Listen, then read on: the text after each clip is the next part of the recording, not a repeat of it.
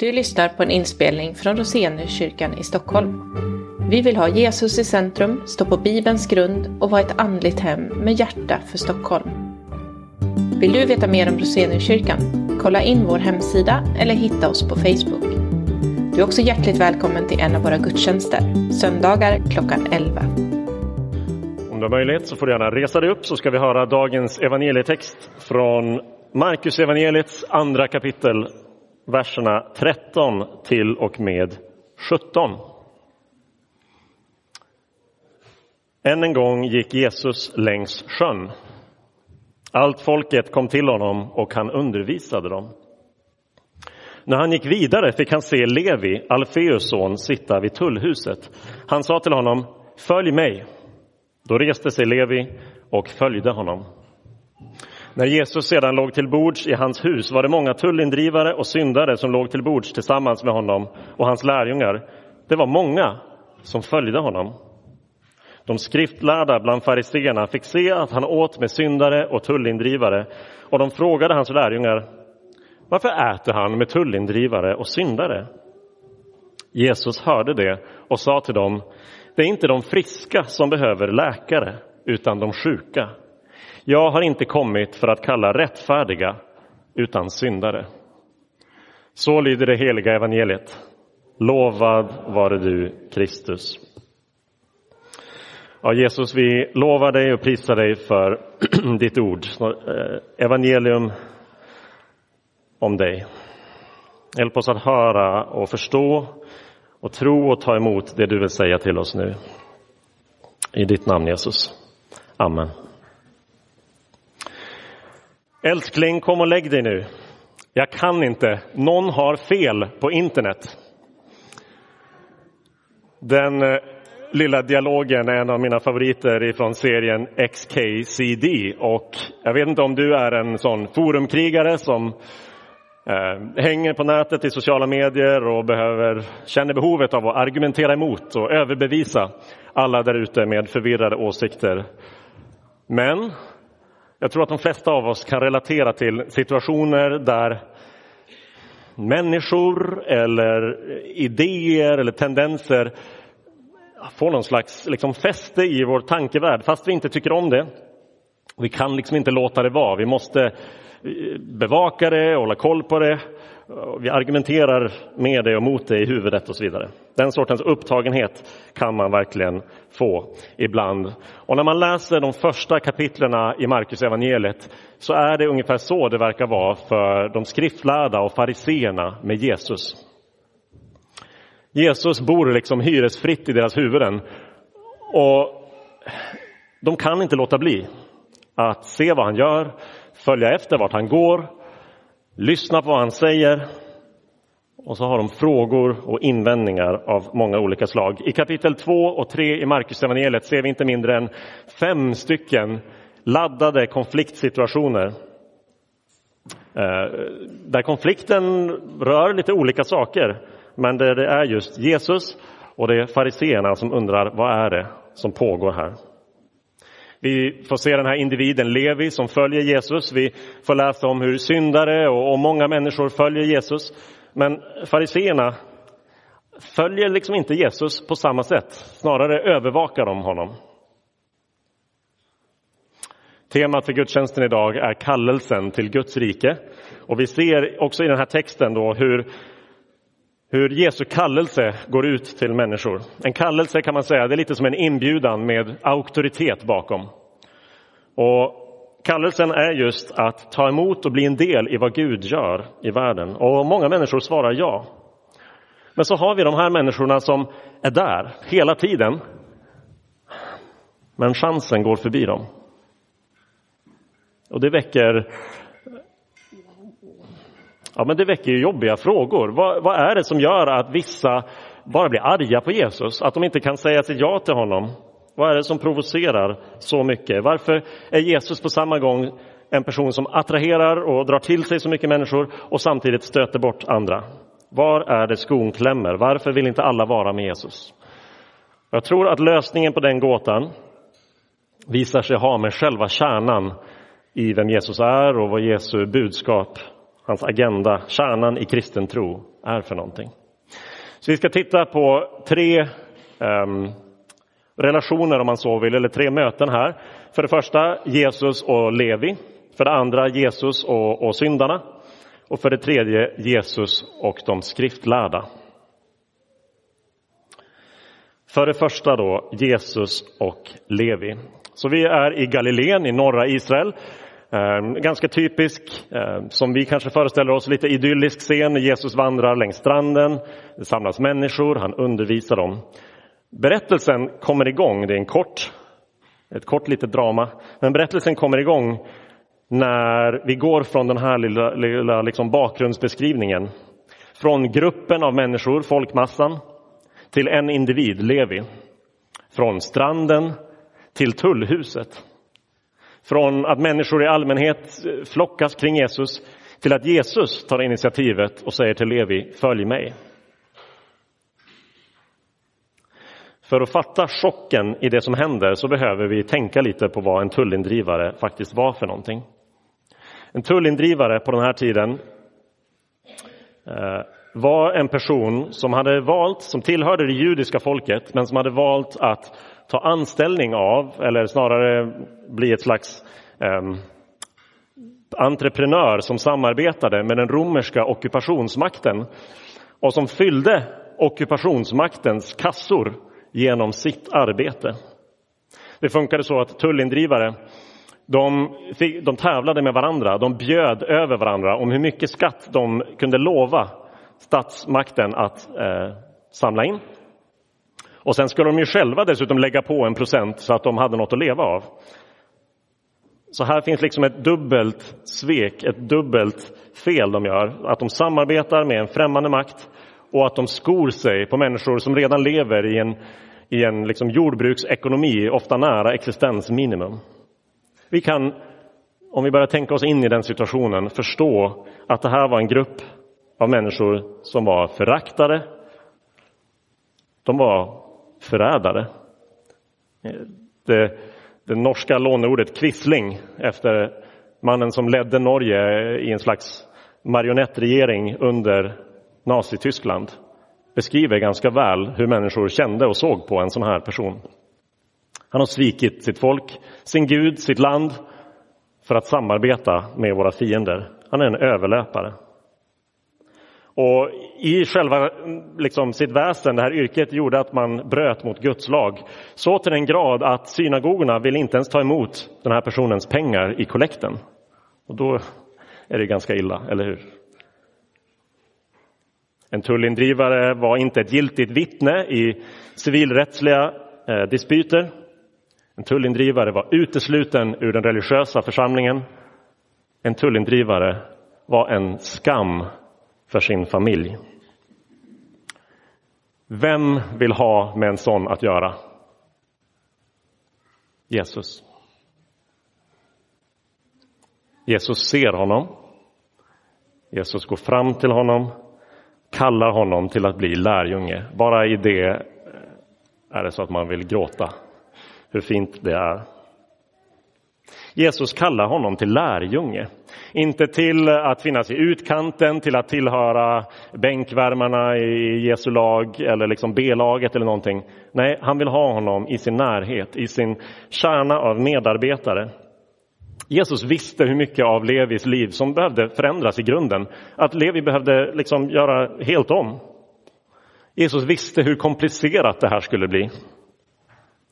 Jesus visste hur Levis yrke och rykte skulle reflektera tillbaka på honom själv. Hur dålig Jesus skulle se ut och verka bara av att han var i Levis sällskap. Och så kallar han honom till lärjunge ändå. Och när han gör det så gör Jesus något som är väldigt typiskt för Jesus. Han tar fighten, han tar striden för Levi för att han ska få vara Jesus. Och det här är vad Jesus har gjort för dig och mig. Jesus är inte intresserad av våra sociala eller våra religiösa meriter. Människor kan förakta oss. Vem skulle vilja ha en sån med i sitt lag? Jesus. Djävulen kan anklaga oss för våra synder och kan ha rätt. Vi har brutit mot Guds lag helt och hållet. Vi förtjänar inte Guds vänskap. Men Jesus är vår sköld. På korset gick han in mellan oss och den dom som skulle drabba oss, den dom som vi förtjänat. Och sa, han är med mig. Hon är med mig. Det här är min lärjunge. Han, hon ska leva. Alltså är problemet för människor, det som håller vissa borta från Jesus, är inte deras synd, att deras liv är för stökiga och misslyckade. Din synd kan inte skilja dig från Jesus. Och alltså, om du vill hålla dig borta från Jesus, om du vill ta avstånd från honom, så måste du hitta på en annan ursäkt än att ditt liv är för komplicerat eller eh, gått snett för mycket. För den ursäkten bryr sig inte Jesus om. Han vill ha dig med ändå. Om du är förskjuten eller föraktad så finns det en frälsare som förbarmar sig över dig. Ja, men vad är det då? Vad är det då som håller människor borta från Jesus? Om det inte är problem i individens liv, då kanske det helt enkelt är gruppdynamiken, så att säga, grupptillhörigheten som gör det för komplicerat. Vi kommer vidare till vers 15 och då ser vi hur den här situationen med Jesus och Levi på något sätt eskalerar. I Jesu motståndares ögon går det från illa till mycket värre. Inte nog med att han eh, söker upp en individ som är problematiskt, rent ut sagt, någon man borde hålla sig borta från. Nej, nu går det från en till många. Många tullindrivare och många syndare flockas runt Jesus. I det första kapitlet i Markus så har vi sett hur Jesus mötte orena människor, ceremoniellt orena på grund av sjukdom, spetälska, de som ingen ville ha att göra med. Men man kan ju ändå förstå, de har inte valt att bli sjuka. Men nu väljer Jesus att närma sig människor som är orena helt frivilligt. I verserna precis före det här avsnittet såg vi hur Jesus förlät synd den lame mannen bärs fram till honom och Jesus både botar honom och sen säger att dina synder är förlåtna. Men nu går Jesus ett steg längre. Han förlåter inte bara synd, han förlåter syndare, de som har gjort synden till sin livsstil, till sitt sätt att vara. Och inte nog med det. Han inte bara pratar med, umgås lite sådär artigt. Nej, han deltar i måltidsgemenskap med dessa människor hemma hos Levi. Och det är många tullindrivare och många syndare. Nu liksom åker topplocket för fariseerna. De fattar inte vad Jesus gör. Men det intressanta att se här är att Jesu lärjungar också är där. Det är första gången ordet lärjunge används i Markus evangeliet. Och de är mitt i smeten med Jesus, med tullindrivare och syndare. Det är inte alltid man kan säga det. När vi kommer till kapitel 6, 7 och 8 i Markus evangeliet, då är lärjungarna eh, ganska ofta lite off. De är inte riktigt med på vad det är som händer. De förstår långsamt, de gör fel, Jesus måste tillrättavisa dem. Men här är de helt i linje med vad Jesus gör. De umgås med syndare och de vistas i deras hem. Kvalifikationen för en lärjunge i kapitel 3, vers 14, det är att vara med Jesus och att sändas ut för att samla människor till Jesus. Det är det lärjungarna nu redan har börjat göra. Lärjungarna och Jesus övervinner olikheter och de riskerar och struntar i att det kommer bli obekväma möten.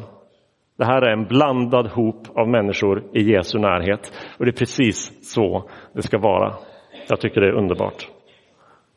Så vi ser i den här versen att nej, det som håller människor borta från Jesus, det är varken individens synd eller eh, komplicerade liksom, grupptillhörigheter. Det kan inte heller skilja dig från Jesus. Kyrkan är till för att de mest olika av människor ska samlas till Jesus.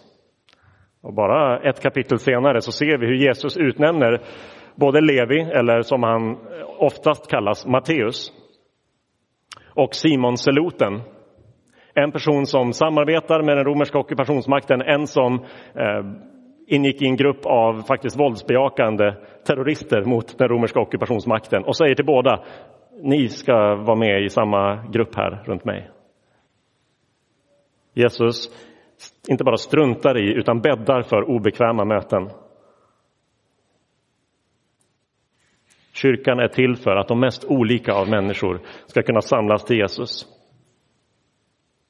Det här innebär ganska omedelbara tillämpningar för oss. Att låta våra liv och våra hem bli en mötesplats mellan Jesus och andra människor. Vi behöver tänka på vår kyrka ur den här synvinkeln. Vår kyrka är en institution och måste vara det. Vi behöver kunna sköta om vår byggnad, vi behöver eh, kunna eh, sköta om våra anställda. Eh, så det behövs strukturer för att få sånt att fungera och hålla i längden i över 110 år. Men alla institutioner löper risken att glömma bort vad de ursprungligen startades för och bli självbetjänande och, och, och, och liksom tappa riktningen och allting handlar plötsligt om hur kan saker löpa och flyta så smidigt som möjligt. Det är inte målet med en kyrka. Att det ska gå så smidigt som möjligt, att det ska vara så trivsamt och bekvämt för oss som redan är här som möjligt. Målet för oss är att människor ska få möta Jesus. Det är därför den första punkten i vår vision är att vi har Jesus i centrum. Då vill vi se personer som Levi komma hit och vi vill se grupper av människor som egentligen är ganska inkompatibla med varandra ändå sitta här tillsammans på söndagar och tillbe Jesus. Sen behöver vi ta med oss tillämpningar för våra hem också. Är hem platser där vi vågar blanda människor på det här sättet? Där vi tar emot dem som, eh, som inte känner Jesus eller som det kanske kan vara ansträngande ibland att ha i vårt hem. Ja, hur exakt vi, vi gör det här, det är såklart upp till oss att fundera ut eh, tillsammans. Eh, ja, både var för sig och tillsammans som familjer eller hur man, hur man nu lever och bor. Men frågan är, är våra liv mötesplatser mellan Jesus och människor på det här sättet? Okej, okay, hittills har vi sett att det inte är individens synd som håller någon borta från Jesus. Vi har sett för det andra att det inte är grupptillhörigheter som håller människor borta från Jesus. Så vad är det då? Ja, svaret kommer när den här konflikten, spänningen mellan eh, Jesus och de skriftlärda når sin, sin peak i det här avsnittet. För nu kan de inte bärga sig längre. Nu frågar de varför, vad håller han på med? Varför äter han med tullindrivare och syndare? Han, eh, de frågar Jesu lärjungar, men ja, här kanske det märks att de är nya på jobbet. Jesus kliver in och ger själv svaret. Eh, för att minimera risken att de gör bort sig och säger fel, eh, kanske. Så konflikten når sin topp och Jesus gör ingenting för att få den konflikten att lägga sig. Han säger inte oh, eh, hoppsan, ja, nu vart det tokigt. Jag, jag, jag, jag ber om ursäkt om någon har blivit sårad för det jag har gjort. Eh, jag, jag tänkte inte på att det skulle få de här konsekvenserna. Ingen sån här damage control eller spin på det hela för att försöka få det att lägga sig och rädda varumärket. Nej, Jesus svar säger är det här. Jag kom inte för att kalla rättfärdiga utan för att kalla syndare. Det här var ingen olyckshändelse. Det här är precis varför Jesus har kommit. Det är hans högsta prioritet. Han har kommit för Levi, han har kommit för tullindrivare, han har kommit för syndare. Och nu åtminstone börjar man ju tänka, ja, kanske är det helt enkelt så att Jesus inte vill ha med de skriftlärda, de fariseerna, i sitt lag. För en modern människa som inte, inte är så hemskt förtjust i religiösa hycklare så är det ganska lätt att, att tänka sig att Jesus vill nog inte ha med dem. Jag tror inte det är det som är problemet. Visst, vi ser att Jesus söker upp Levi, vi ser att Jesus besöker syndares hem, men i Lukas 7 ser vi att Jesus också går på middag hemma hos farisén Simon. Vi ser i Johannes evangeliets tredje kapitel hur Jesus stannar uppe på natten för att kunna prata med Nikodemus, medlem i Stora rådet, och svara på hans frågor. Jesus vill precis lika gärna ha dem med i sitt lag. Så vad är det då? Vad är skiljelinjen mellan de som tar emot Jesus och de som inte gör det? Jag tror att nyckeln är i just det Jesus säger här i slutet. Det är inte de friska som behöver läkare, utan de sjuka. Jag har inte kommit för att kalla rättfärdiga, utan syndare. Det är alldeles underbart Så befriande, så uppmuntrande, så läkande för våra hjärtan att se att Jesus vill vara med oss vanliga syndare. Men det finns ju faktiskt en udd i det han säger här också. Han kallar människorna omkring sig, han jämför dem med sjuka och han kallar dem syndare. Och vi läser inte att personer reser sig upp, flippar det låga bordet som de låg till bords runt och stormar ut i protest. Jag tror att skiljelinjen är just mellan människor som accepterar Jesu beskrivning och diagnos av dem och de som inte gör det. Alltså när Jesus kommer och säger jag är en läkare. Någonting är allvarligt, eh, liksom någonting är illa ställt med dig, men jag har, jag är lösningen. Då finns det en grupp som säger, vad säger du? Kan du hjälpa mig? Och så finns det en grupp som säger, vad säger du? Säger du att det är något fel på mig? Och jag tror att det är precis där skiljelinjen går. Det är det som är förklaringen. De senaste veckorna efter att Tim Keller gick bort den 19 maj, en stor eh, förebild för många eh, kristna ledare runt om i världen, så har jag själv tänkt på vad jag har, har lärt mig av honom och uppskattat med honom. Och ett citat från honom som sitter i mitt eh, huvud är det här. Det enda du behöver för att bli kristen är ingenting. Men det är precis vad de flesta inte har. De flesta av oss har någonting som vi faktiskt inte vill släppa taget om, som vi vill säga, ja men Jesus, om du tar emot mig, då ska det vara för att jag är bra på det här. Du vill ha med, du vill ha mig, jag är en tillgång för din sida, eller hur? Jag kan det här, jag är åtminstone inte en sån person, jag har gjort det här, eller jag har rätt attityd, eller vad det än är. Men evangeliet är inte till för människor som har något att bidra med. Evangeliet är till för människor som identifierar sig som syndare och vet att har jag inte Jesus så är jag utan hopp.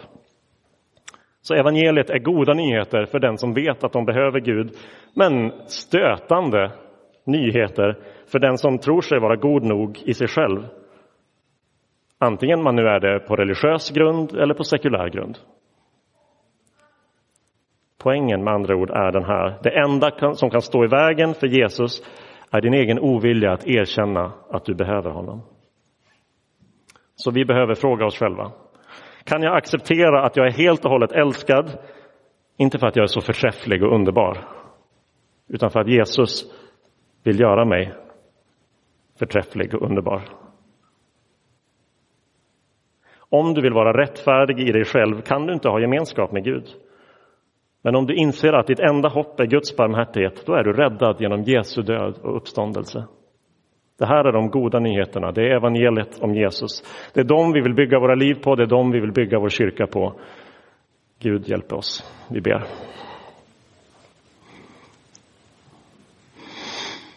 Jesus, tack för att kallelsen till ditt rike går ut i hela världen, att den går ut här och nu.